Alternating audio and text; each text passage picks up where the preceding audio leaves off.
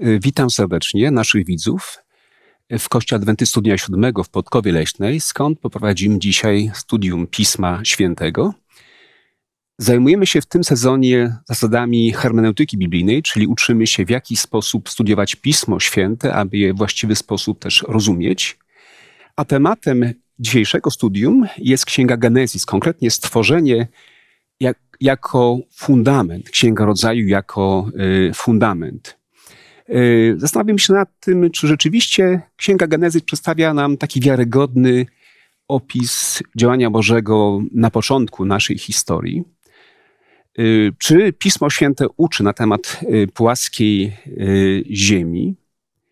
Dlaczego pewne historie w Piśmie Świętym podobne są do różnych mitów pochodzących z innych religii, z innych podań?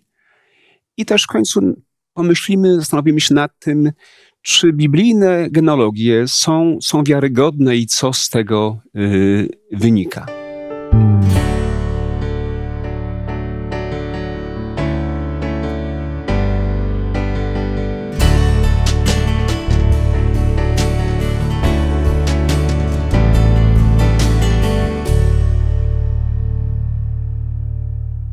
Dzisiaj razem ze mną jest y, Maria, Zenon. Ja mam na imię Mariusz. Jak zwykle na początku chcemy prosić Pana Boga, Jego obecność i błogosławieństwo dla naszego studium. Pomódlmy się wspólnie. Drogi kochany nasz Boże i Panie, przychodzimy dzisiaj do Ciebie, ażeby studiować Twoje święte słowo. Prosimy Cię, Panie, o Ducha Twego Świętego i Jego prowadzenie ażebyśmy i my, i ci, którzy będą nas słuchali, mieli Twoje błogosławieństwo zrozumienia tych zagadnień, które dzisiaj będziemy omawiać i utwierdzili się w tej prawdzie, że Ty, Panie, jesteś Bogiem jedynym, Stwórcą wszystkiego i że Księga Genezis jest wbrew wszelkim mitom podstawą całego Pisma Świętego. Tobie niech będą dzięki Dzięki za wszystko, uwielbienie i chwała, abyś Ty był, Panie, wywyższony przez Jezusa, Pana naszego. Amen. Amen. Amen. E, przed wielu lat odwiedziłem Muzeum Ateizmu. Nie wiem, czy kiedyś mieliście okazję być w Muzeum Ateizmu. E, było to jeszcze w Związku Radzieckim na terenie dzisiejszej Ukrainy. Odwiedziłem dwa muzea. Jedno to Muzeum e, w Orownie i drugie w Łódzku. W każdym wtedy większym mieście byłego związku było takie muzeum. Najczęściej w dawnych świątyniach, w kościołach, e, w cerkwiach. E, pamiętam, że mm, miałem okazję zwiedzać te wszystkie mm, miejsca, te ekspozycje, które mówiły mniej więcej coś takiego, że w czasach przednaukowych ludzie próbowali wyjaśnić wszystko, a więc też i początki nasze, odwołując się do Boga czy do bogów. Ludzie po prostu bali się, nie rozumieli pewnych prawd y, przyrody, nie znali nauki, a więc wszystko wyjaśnili za pomocą istnienia Boga. Ale przyszła era nauki, w tej chwili już nie musimy odwoływać się do religii, wszystko wyjaśniamy za pomocą nauki. A więc mówiąc inaczej, tylko ludzie nieświadomi, ludzie, mm, którzy nie znają praw przyrody, praw nauki, y, wierzą jeszcze w Boga. Mhm. A więc religia to jedynie opium dla ludu. Co, co sądzicie o, o, o takiej koncepcji? Dzisiaj wciąż jeszcze można się z nią spotkać. Chcę przyznać, że był taki okres w moim życiu, w młodości, na przełomie maturalno-akademickim, gdzie również e, przychylałem się do ateizmu. E, wielki wpływ na mnie wywarła wtedy e, literatura ateistyczna z polskich filozofów profesor Zenon Kosidowski, Artur Sandauer, postacie znane w latach, w drugiej połowie XX wieku. I rzeczywiście ta koncepcja jest dosyć przekonująca wielu ludzi, dlatego ma tylu zwolenników. Ale czy prawdą jest? Też byłam ateistką od najwcześniejszych lat niemalże, mimo wychowania w tradycyjnym domu, ale nas późniejszym wieku zaczęłam się wgłębiać w New Age i myślę, że im więcej się wie o tym świecie ateistycznym i poznaje później prawdę, tym głębsza jest wówczas prawda. Widać sens y, życia, widać porządek świata. Wszystko zaczyna się układać, a tamto wszystko to był po prostu chaos. Chaos i ciemności. Tak, dziękuję. Czyli rozum nie kłóci się z wiarą. Mamy zresztą całą masę wielkich uczonych, znane nazwiska, jak Isaac Newton, jak Jan Kepler, chociażby nasz rodak Mikołaj Kopernik, e, którzy byli ludźmi głęboko wierzącymi w Boga. Dzisiaj też żyją nobliści, wybitni naukowcy, którzy deklarują swoją głęboką wiarę w Boga i polegają też na Piśmie Świętym. Ale przy okazji spotkałem się też z takim pewnym zarzutem, tak ze stron właśnie też y, z kolei wierzących ludzi, ponieważ niektórzy uważają, powiedzieli, skoro konsekwentnie odrzucasz ewolucję jako wyjaśnienie początków naszej Ziemi, to dlaczego wierzysz w tą koncepcję właśnie naukową, jeśli chodzi o kształt naszego świata? Czy Pismo Święte naucza, że Ziemia jest płaska. Niektórzy dzisiaj w to bardzo mocno wierzą. Co do, co do tego, czy Ziemia jest płaska, czy okrągła, jest rzeczywiście sporo kontrowersji i ludzie, zdaje się, nawet y, uczeni w pewnym sensie, wykształceni w każdym razie, znałam kogoś takiego, też upierał się przy tym, że Ziemia jest płaska. No na pewno nie jest płaska. wiemy o tym nie tylko z mm, badań naukowców od Kopernika, Galileusza i, i innych poprzedników, ale również y, Biblia o tym przecież mówi. Na przykład w Księdze Przysłów mamy y, takie teksty jak mm, słuchaj, Księga Przysłów, ósmy rozdział, trzydziesty pierwszy rozdział. Jest tutaj mowa o mądrości. Ja byłam u jego boku mistrzynią, czyli u boku Boga, Stwórcy. Byłam jego rozkoszą dzień w dzień i grając przed nim przez cały czas i grając na okręgu jego ziemi, rozkoszując się synami ludzkimi. No jest to wyraźny tekst mówiący o okręgu. No tak, to prawda, tylko że niektórzy mówią, że okrąg nie dowodzi kulistości, bo talerz też jest okrągły Natomiast ja chciałbym zwrócić uwagę na e, słowa, bo no tak się składa, że ja bardzo cenię sobie dociekanie pewnych słów. E, więc po pierwsze, e, na płaszczyźnie okrąg to jest tylko i wyłącznie obrzeże koła. Okrąg to nie jest koło. A więc załóżmy, że chcielibyśmy powiedzieć o płaskiej Ziemi w przestrzeni, e, to trzeba by było powiedzieć, że to jest koło, a nie okrąg. Ponieważ definicja okręgu to jest tylko i wyłącznie cienka linia okalająca, wyznaczająca koło, obrzeże koła. E, w środku puste. Obrączka to jest okrąg. E, zatem E, gdy mówimy z kolei o, okrą, o okręgu w trójwymiarowości, w przestrzeni, to jest piłka. Piłka jest okrągła. A więc y, y, proszę y, zrozumieć, że w płaskim wymiarze rozgraniczamy okrąg jako tylko obrzeże koła.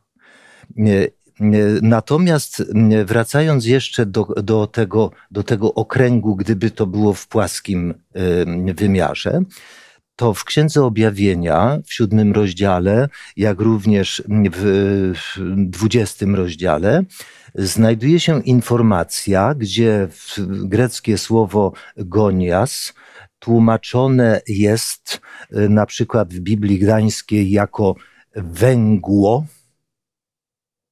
a w Biblii Tysiąclecia jako narożnik, więc trudno, próżno szukać y, w okręgu narożnika.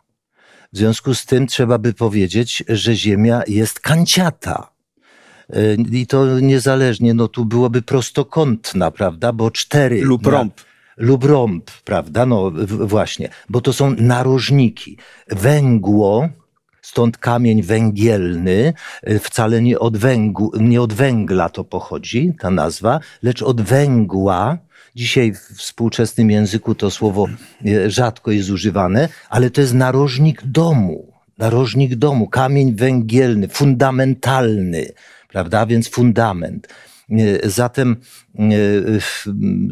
Biblia może nie używa, może, Biblia nie używa słowa kula, ale Biblia używa słowa okręg, przy czym definiując ten okręg w przestrzeni, to nie ulega wątpliwości, że to jest kula.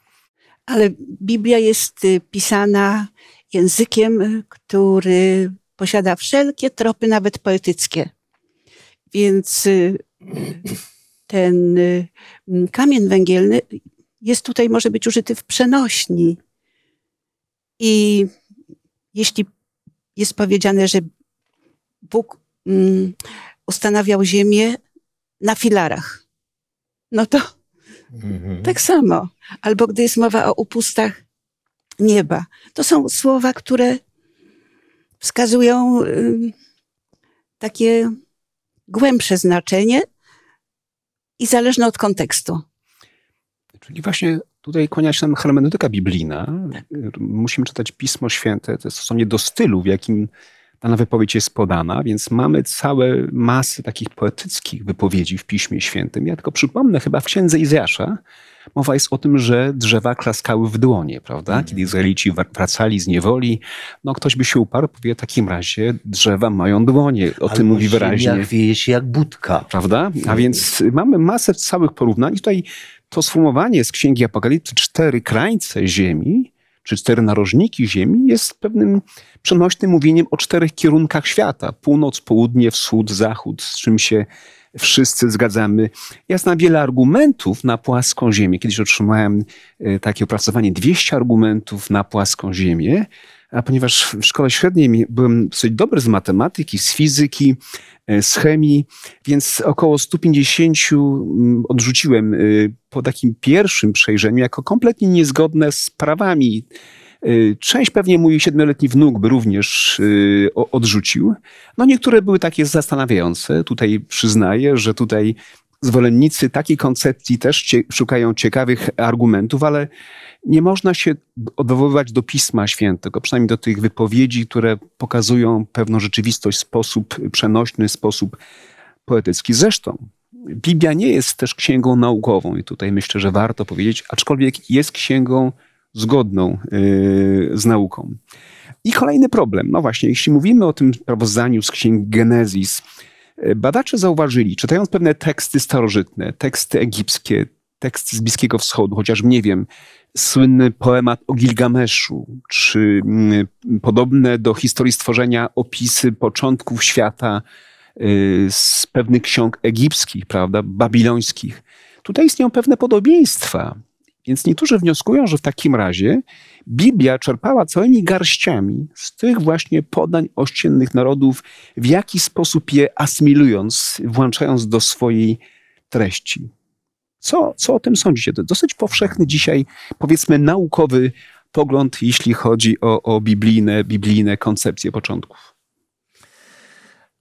Myślę, że e, tutaj e, pozostaje tylko słowo przeciwko słowu, ponieważ mm, nikt dzisiaj nie jest w stanie uzasadnić i dowieść, które informacje, która informacja była pierwsza i kto z czego czerpał, kto modyfikował wcześniej istniejące. Oczywiście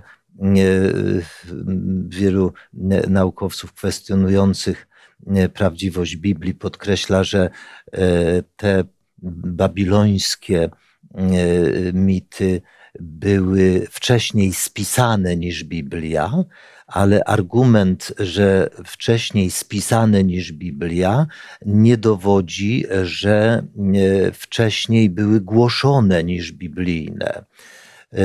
Więc uznając rzeczywiście Boga jako stworzyciela, wierzymy w natchnienie Pisma Świętego i wierzymy, że ta nauka, czyli taki pogląd świata, przed zapisywaniem był przekazywany z pokolenia na pokolenie, a obok tego Bożego przekazu e, funkcjonowały różne falsyfikaty, zniekształcenia e, i e, no, jakkolwiek to nazwiemy. No ale to jest przedmiot wiary, to jest kwestia wiary. Jeśli zacząłeś od ateizmu, to to, co mnie w sumie tak zastanowiło, gdy ktoś z moich kolegów powiedział mi, że ateizm też, też jest religią, bo od swoich zwolenników wymaga tak samo wiary w teorie naukowe, teorie, e, bo chociażby e, na pytanie, skąd się wzięła materia dla ateisty, no jest twierdzenie nieudowodnione niczym, że materia po prostu istnieje od zawsze. Więc y, kwestia tutaj stwierdzenia, która idea, która nauka była pierwsza, starsza, nie znajdziemy na to dowodu, podważając biblijny autorytet. Tak, czyli która religia jest lepsza w takim, tak. takim ujęciu, prawda? Nie można tego zweryfikować empirycznie, stąd mm. pozostaje nam wiara. wiara. Ale, Ale jeśli, jeśli mogę jeszcze, Mario, yy, yy, chciałbym takiego dokonać pewnego porównania. Przeczytam Y, pewien fragment starobabilońskiego mitu o Atrahasisie, y, pokazujący jakby stworzenie człowieka i poprosiłbym ciebie, abyś porównała to do tego, co mamy na kartach Księgi Genezis, czyli pierwszy rozdział Księgi Genezis, drugi po czwarty wiersz, ale posłuchajmy wpierw właśnie tego starobabilońskiego podania. Gdy bogowie byli jak ludzie, znosili ciężką pracę, Dźwigali kosze. Kosz bogów był ogromny, praca była ciężka, wielce uciążliwa. Wezwali boginię Nintu, ty jesteś łonem matczynym, który stworzy człowieka. Stwórz człowieka, aby przejął nasze brzemię. Boga Gesztu, Gesztue, który miał osobowość, zabili na zgromadzeniu. Z ciałem i krwią jego Nintu zmieszała glinę. No i w ten sposób Y, powstaliśmy. Co o tym mówi Biblia? No, Biblia wyraża się bardzo precyzyjnie, jasno, krótko. Nawiązując do tego tekstu, który Mariusz przeczytał, tego mitu o Atrahasisie, w Biblii mamy zupełnie inny obraz, chociaż można zauważyć pewne elementy, glinę na przykład. Czytam z drugiego rozdziału Księgi Genesis, werset siódmy. Ukształtował Pan Bóg człowieka z prochu ziemi i tchnął w nozdrza jego dech życia. Wtedy stał się człowiek istotą żywą. Więc nie mamy tutaj tego elementu, że został on utworzony z czyjejś krwi jakiegoś bo bożka pomieszanego z gliną, tylko Pan Bóg y, uformował człowieka y, z prochu ziemi i tchnął dech życia.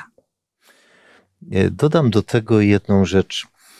E, bardzo popularnym jest argument, którym ja się też przez pewien czas w tamtym okresie posługiwałem, że e, Biblia mówi, że Bóg stworzył człowieka na swój obraz, a w istocie rzeczy e, możemy zauważyć, że to człowiek stworzył bogów na swój obraz. Bo też taki argument, gdybyśmy popatrzyli i powiedzieli, że sytuacja, w jakiej człowiek znalazł się dzisiaj, że Bóg nas takimi stworzył, no to nie udało się Panu Bogu to stworzenie. Zresztą nawet takie przysłowie jest powtarzane, nie udała się Panu Bogu starość.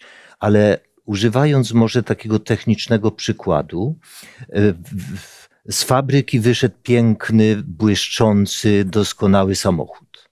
Wsiadł kierowca, spowodował wypadek, przekoziołkował się cztery razy, pogniótł blachę i teraz mówi, no jaki ten samochód fabryka stworzyła.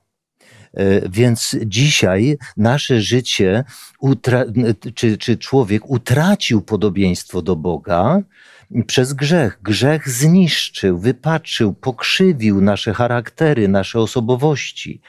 I teraz, gdybyśmy chcieli powiedzieć, że człowiek taki, jaki w tej chwili jest, wyszedł z rąk Stwórcy, no to rzeczywiście nie udał się Panu Bogu ten człowiek.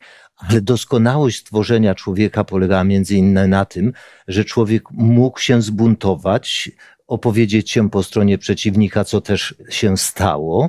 I my dzisiaj jesteśmy spadkobiercami, w cudzysłowie, ponoszącymi skutki tego odstępstwa. A więc zasadniczy kierunek działania, czy to Bóg stworzył człowieka, czy człowiek stworzył bogów podobnych do siebie. Bo czy to w starobabilońskich, czy egipskich, czy nawet greckich e, opisach o e, bogach, oni są bardzo podobni do nas, mają te same przywary, mają te same konflikty, mają tą samą, e, te same walki, a nawet zabijają się wzajemnie.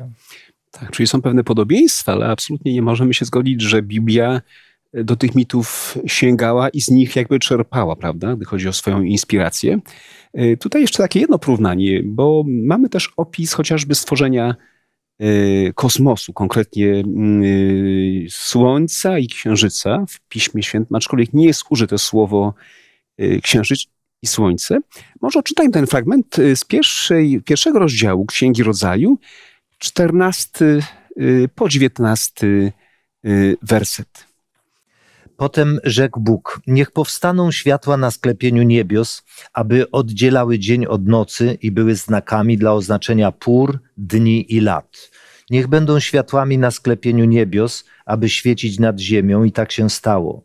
I uczynił Bóg dwa wielkie światła, większe światła, aby rządziło dniem, i mniejsze światła, aby rządziło nocą, oraz gwiazdy. I umieścił je Bóg na sklepieniu niebios, aby świeciły nad ziemią, i rządziły dniem i nocą, oraz aby oddzielały światłość od ciemności. I widział Bóg, że to było dobre. I nastał wieczór, i nastał poranek, dzień czwarty. Tak, to jest biblijna koncepcja. Czym różni się od podobnych właśnie e, podań, które możemy znaleźć w innych religiach, jeśli chodzi chociażby o Słońce, Księżyc? Słońce i Księżyc, tak jak również i inne planety, wszystkie miały swoje bóstwa. I w ogóle był cały wielki panteon bogów, trudno już się w tym wszystkim połapać. Ja mam na ten temat swoją własną myśl, kiedy się w to zagłębiałam, również sięgając do starych mitów sumeryjskich, że po prostu diabeł nie chciał, aby ludzie poznali prawdę o stworzeniu i stworzył bardzo wiele mitów, i te mity były później niesione w przyszłość i z nich um, tworzone różnego rodzaju historię, ponieważ w samych mitach sumeryjskich o stworzeniu jest ich kilka. Tak, dziękuję bardzo, ale moi drodzy, znam teologów, którzy również, kiedy mówią o pierwszych rozdziałach Biblii, o, o rozdziałach y, do, do 11 rozdziału, używają tego pojęcia właśnie mity, mity biblijne, mit adamicki, prawda, gdy chodzi o, o, stworzenie, inne, inne mity, ale zobaczmy, rzeczywiście mm, Mojżesz próbuje jakby korygować panujące w tamtej kulturze podania. Są pewne podobieństwa, ale de facto on ponad Dniem Bożym dokonuje pewnej korekty tych pogodań, pokazując, jakie faktycznie były początki z tej Bożej perspektywy. Dlatego to jest ta olbrzymia różnica. Chociażby też koncepcja stworzenia człowieka, prawda? Mm. Człowiek zostaje stworzony nie jako niewolnik, nie po to, żeby pomagać jak w podaniu chociażby tym y, babilońskim bogom, którzy chcieli zrzucić ciężar obowiązków na jakieś istoty niższego rzędu, ale Bóg człowieka stwarza według Pisma Świętego na obraz i podobieństwo Boga. Tego nie mamy w żadnym, y, żadnym podaniu, powiedzmy, pogańskim, prawda? To jest oryginalna i bardzo cenna myśl, która pokazuje, że człowiek jest tą koroną Bożego stworzenia, jest stworzony na obraz i podobieństwo samego yy, stworzyciela. Zenku, proszę. Y, chciałbym kontynuować tą myśl, którą powiedziałeś, że dzisiaj wielu teologów neguje dosłowne znaczenie Pisma Świętego, a ten opis stworzenia jest tłumaczony czy interpretowany na wiele sposobów. Mam ze sobą książkę Wykłady Pisma Świętego autorstwa księdza profesora Michała Petera, który w odniesieniu do pierwszego rozdziału Księgi Genesis e, podaje bardzo ciekawe dwie myśli. Po pierwsze, na stronie 181, jako znawca języka hebrajskiego e, i w tej dziedzinie ekspert, e, fachowiec, stwierdza: Jom oznacza dzień, a raczej dobę, czyli 24 godziny jeśli chodzi o badanie językowe, ten językoznawca na to się powołuje, że tego nie da się inaczej tłumaczyć.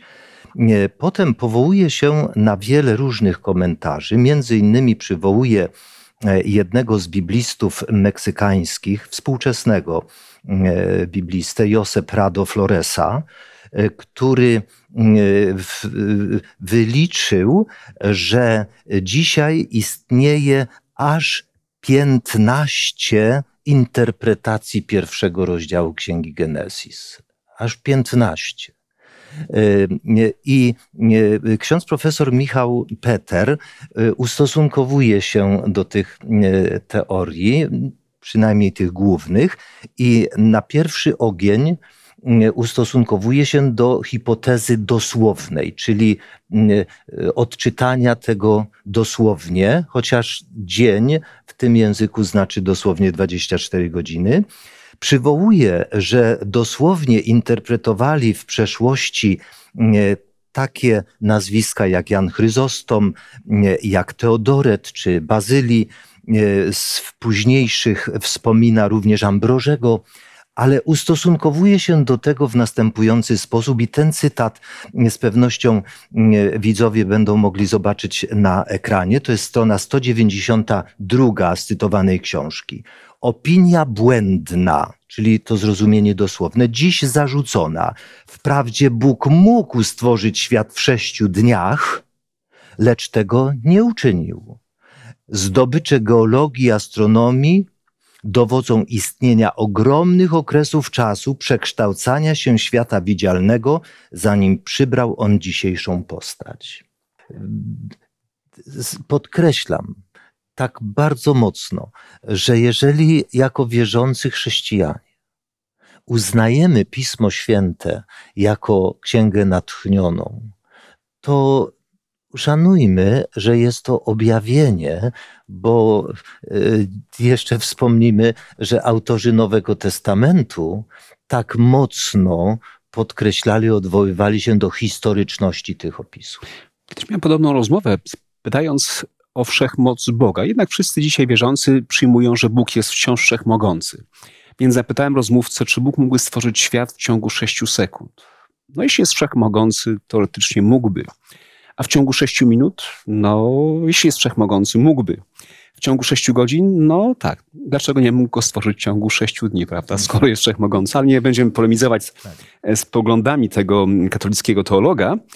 Popatrzmy jeszcze na biblijne genealogie. Mamy przynajmniej takie dwie szczególne genealogie w tych pierwszych rozdziałach Genezis. A więc mamy genealogię w rozdziale piątym. Ona jest prowadzona od Adama do Noego. 11 rozdziale od Noego do Abrahama. E, czy można przyjąć tę genealogię jako również zapis historii, jako wiarygodne historycznie, czy te lata po prostu to są prawdziwe lata? Jaka jest Wasza opinia w, w tej kwestii?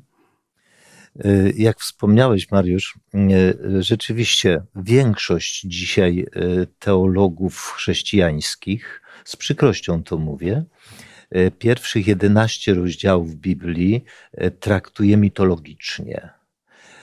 Między innymi ze względu na informację, że w tamtym czasie ludzie żyli 900 czy ponad 900 lat. Dla nas dzisiaj 70-latków, ba, no, z górą stu kilkolatków, to jest niemożliwe do wyobrażenia prawda? Żył ktoś ponad 900 lat. Ale podkreślam z całą mocą jeszcze raz, że warto poszukać tego wewnętrznego argumentu Biblii, ponieważ Nowy Testament y, jest kontynuacją Starego Testamentu. Nawet Nowy Testament uznajemy jako pewnego rodzaju komentarz do Starego Testamentu. W związku z tym, począwszy od samego Pana Jezusa, poprzez później listy apostolskie, warto sprawdzić, jak ci nauczyciele, bo możemy z całą odpowiedzialnością powiedzieć, że oni byli tymi pierwszymi nauczycielami y, komentującymi Stary Testament, zakładającymi czy kontynuującymi dzieło Chrystusa budowania Kościoła. A więc te nowotestamentowe świadectwa wewnętrzne, mhm. biblijnie wewnętrzne, są potwierdzeniem, że oni te y, opisy traktowali dosłownie. Do tej myśli jeszcze wrócimy z tym, że właśnie jedną ciekawą rzecz, y, te genealogie różnią się od pozostałych, które mamy, nie wiem, w księgach kronik, czy mamy też w Nowym Testamencie aż dwie genealogie, tym, że tam występują bardzo konkretne lata. O tym już wspomniałeś, prawda? Dany człowiek, patriarcha, żył tyle i tyle lat, w pewnym okresie zrodził swojego syna, potem żył jeszcze tyle lat, zmarł, miał tyle lat. I to jest niezwykle ciekawe. Tam nie ma żadnych luk, tam nie ma żadnych braków, jest kontynuacja. I jeśli uznajemy, a z tym się zgadzają chyba już wszyscy teolodzy, że Abraham prawda, był postacią historyczną, to cofając się od Abrahama, dochodzimy do Noego, dochodzimy do Adama, jako do postaci historycznych, które żyły w pewnym określonym czasie. Co więcej, one nam pomagają ustalić chociażby datę przybliżoną oczywiście potopu, czy nawet dochodzimy do samych początków, do, do stworzenia świata, ale może nie chciałbym w tym momencie iść w tym kierunku, ale one są, one są wiarygodne, mają wszelkie, mm, wszelkie y, jakby przejawy wiarygodności. Nie mają żadnych elementów y, mitycznych. Y, może jednak z tych genealogii możemy na chwileczkę jakby odejść, dlatego że mamy pewne ostrzeżenie, że jak się będziemy z nimi za bardzo zajmowali, to, to jest to niewłaściwy kierunek. Możemy zgodnie, zgodnie z myślą Pawłową, aby nie zajmować się tymi niekończącymi się rodowodami, chociaż nie wiem, czy akurat myślę o tych biblijnych rodowodach. No i właśnie, teraz. Ale przepraszam. Tak, proszę bardzo. Ale ja bym tutaj zwróciła jeszcze uwagę, że dzięki tak precyzyjnemu, dokładnemu określaniu wieku życia każdego z nich, można było obliczyć, dojść do tego, że Ziemia do Chrystusa miała 4000 lat, tak mówi nasza chrześcijańska pisarka. Mhm, dziękuję bardzo. Czyli tak, przyjęliśmy, że stworzenie y, miało kiedyś miejsce w historii, że Bóg stworzył y, pierwszą parę ludzką, to były historyczne postacie, a nie mityczne postacie, że miał miejsce historyczny potop, że żył sobie człowiek, który miał na imię Noe i miał rodzinę i potem on, rodzina jego dała początek tej ludzkości y, popotopowej. To są takie założenia, które znajdujemy w Starym Testamencie. Co o tym mówi Nowy Testament? Czy mhm. Chrystus dla nas jest największym autorytetem w kwestii religii? Czy apostoł Paweł, największy misjonarz w historii i pisarz Nowego Testamentu, autor 13 ksiąg Nowego Testamentu, czy apostoł Piotr potwierdzają właśnie te starotestamentowe koncepcje, które znajdujemy w księdze Genezis. Kilka tekstów, teraz myślę, że warto je przeczytać. Z Ewangelii Mateusza, 19 rozdział, czwarty po piąty werset. I może Mario, jeśli w tym czasie znajdziesz tekst z Ewangelii Jana, pierwszy rozdział i wersety od pierwszego do trzeciego. Zacznijmy może od tego tekstu z Ewangelii Mateusza, 19 rozdział. A on, Jezus, odpowiadając rzekł, czyż nie czytaliście, że Stwórca od początku stworzył mężczyznę i kobietę i rzekł, dlatego opuści człowiek ojca i matkę, połączy się z żoną swoją i będą ci dwoje jednym ciałem, a tak już nie są dwoje, ale jedno ciało, co tedy Bóg złączył, człowiek niechaj nie rozłącza. Tak, pierwszy od Ewangeliana, pierwsze trzy wersety. Na początku było Słowo, a Słowo było u Boga, a Bogiem było Słowo. Ono było na początku u Boga. Wszystko przez nie powstało, a bez niego nic nie powstało, co powstało. I może jeszcze jeden tekst, który ja odczytam, 14 rozdział dziejów apostolskich, werset 15. Y, Czytamy tam, i wołając: Ludzie, co robicie? I my jesteśmy tylko ludźmi, takimi jak i wy. Zwiastujemy wam dobrą nowinę, abyście się odwrócili od tych marnych rzeczy do Boga żywego, który stworzył niebo i ziemię i morze i wszystko, co w nich jest.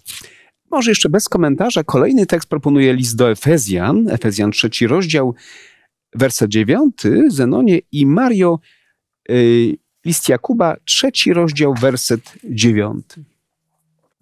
Y, I abym na światło wywiódł tajemny plan ukryty od wieków w Bogu, który wszystko stworzył. Tu jest mowa o języku.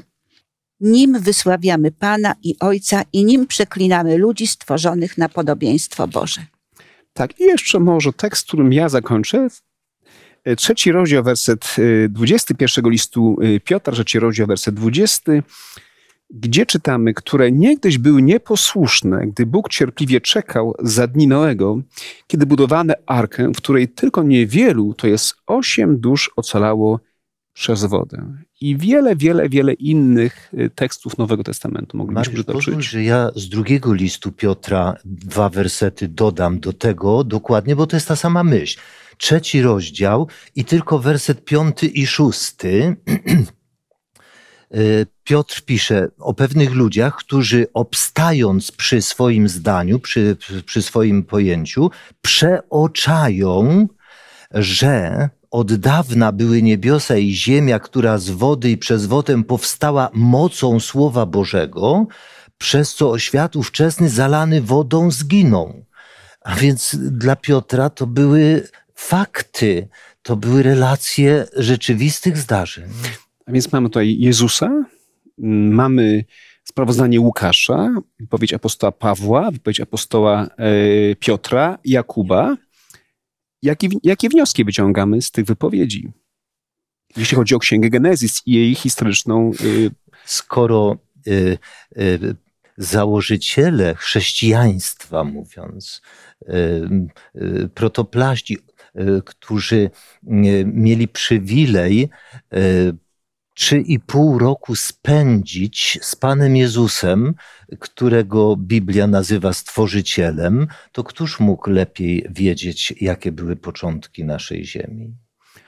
To jest bardzo ważny argument, sądzę, dla nas, dla, dla wszystkich naszych y, widzów. Skoro Jezus Chrystus wierzył w stworzenie świata, wierzył w to, że był Adam, była Ewa, to myśl podzielił e, apostoł Paweł i Piotr. No nie mamy większych autorytetów, na które możemy się dzisiaj powołać.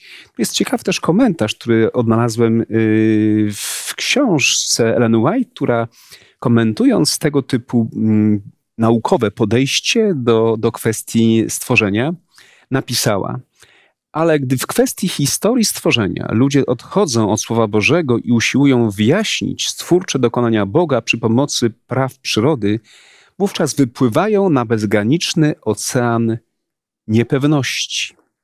Mariusz, pozwól mi na jedno krótkie zdanie. Kłopot ewolucjonistów w chrześcijaństwie polega również na takiej kwestii. Jeżeli załóżmy, zanim powstał człowiek, wyewoluował, byli, były te neandertalczycy czy pitakantropusi i tak dalej, to powstaje problem. Pan Jezus jest Zbawicielem. Od którego ogniwa ewolucyjnego będą zbawione istoty? Czy praczłowiek, czy przodek, istota człowiekokształtna też będzie zbawiona? Y, Powstaje właśnie ten ocean niepewności. Czyli jeśli odrzucimy Księgę Genezis jako podstawę naszej wiary, Nowy Testament też traci sens. Skoro nie było Adama, nie było prawdziwego upadku w grzech, w takim razie Jezus Chrystus kogo zbawił, za kogo umarł, prawda? Moi drodzy, moglibyśmy tutaj jeszcze długo rozmawiać. Ja pamiętam pewną wypowiedź nieżyjącego arcybiskupa Życińskiego, który stwierdził, że jeśli człowiek wierzący, katolik, y, przyjmuje siedmiodniowy y, y, opis, czy siedmiodniowy, y, siedmiodniową koncepcję y, stworzenia świata, w jakiś sposób mija się z rozumem, mija się z rozumem. Moi drodzy, ale jednocześnie ci sami chrześcijanie wierzą chociażby w dziewicze poczęcie Jezusa, wierzą w cuda Jezusa, wierzą w końcu Jego zmartwychwstanie. To są również stwierdzenia, które nie mają żadnego poparcia w naukach medycznych, czy w ogóle y, w nauce. Więc Ateiści mówią, że mijają się z rozumem. Oczywiście, więc nie możemy podchodzić wybiórczo albo wierzymy w Pismo Święte i przyjmujemy je jako wiarygodne sprawozdanie z działań Bożych w historii, albo, albo je odrzucamy, wypływamy na ten właśnie bezkresny ocean różnych sprzecznych, niepewnych ludzkich yy, koncepcji. Bardzo dziękuję Wam za ten żywy udział w naszej dyskusji. Dziękuję także naszym widzom za ich udział. A w tej chwili chcemy jeszcze podziękować naszemu Bogu. Pomódlmy się wspólnie. Kochany nasz Ojcze i Boże, Stworzycielu i Odkupicielu nasz, jesteśmy wdzięczni, że nie pozostawiłeś człowieka zagubionego przypadkowi ani losowi, ale z miłości stwarzając, z miłości obdarzając go wolną wolą, z miłości podążasz za człowiekiem, gdy on odwraca się od ciebie, buntuje się i zaprzecza istnieniu ciebie. Dziękujemy, że Ty jesteś właśnie miłością, bezwarunkową miłością. Dziękujemy za Pismo Święte, Twój list. Pomóż nam wierzyć. Dziękujemy, Panie Jezu, za Ducha Świętego, którego posłałeś, aby pomagał rozumieć, pojmować pewne rzeczy.